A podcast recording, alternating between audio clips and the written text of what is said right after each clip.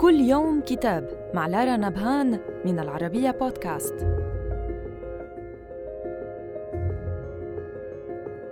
كتابنا اليوم بعنوان طيار الرئيس من تأليف اللواء طيار محمد أبو بكر حامد محسن وإعداد المؤرخ العسكري أحمد عطية الله.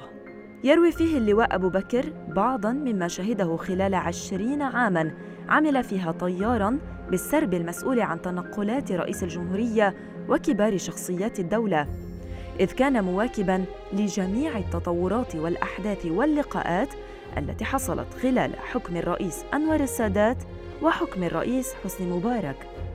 فأتى الكتاب على شكل مشاهد ولقاءات وذكريات وتكتسب فيه المذكرات أهمية خاصة. كون صاحبها عمل قائدا للطائرة الخاصة برئيس البلاد. ومن خلال عمله هذا صادف وتعرف على عدة شخصيات عالمية. ويقع الكتاب في 140 صفحة من القطع الكبير.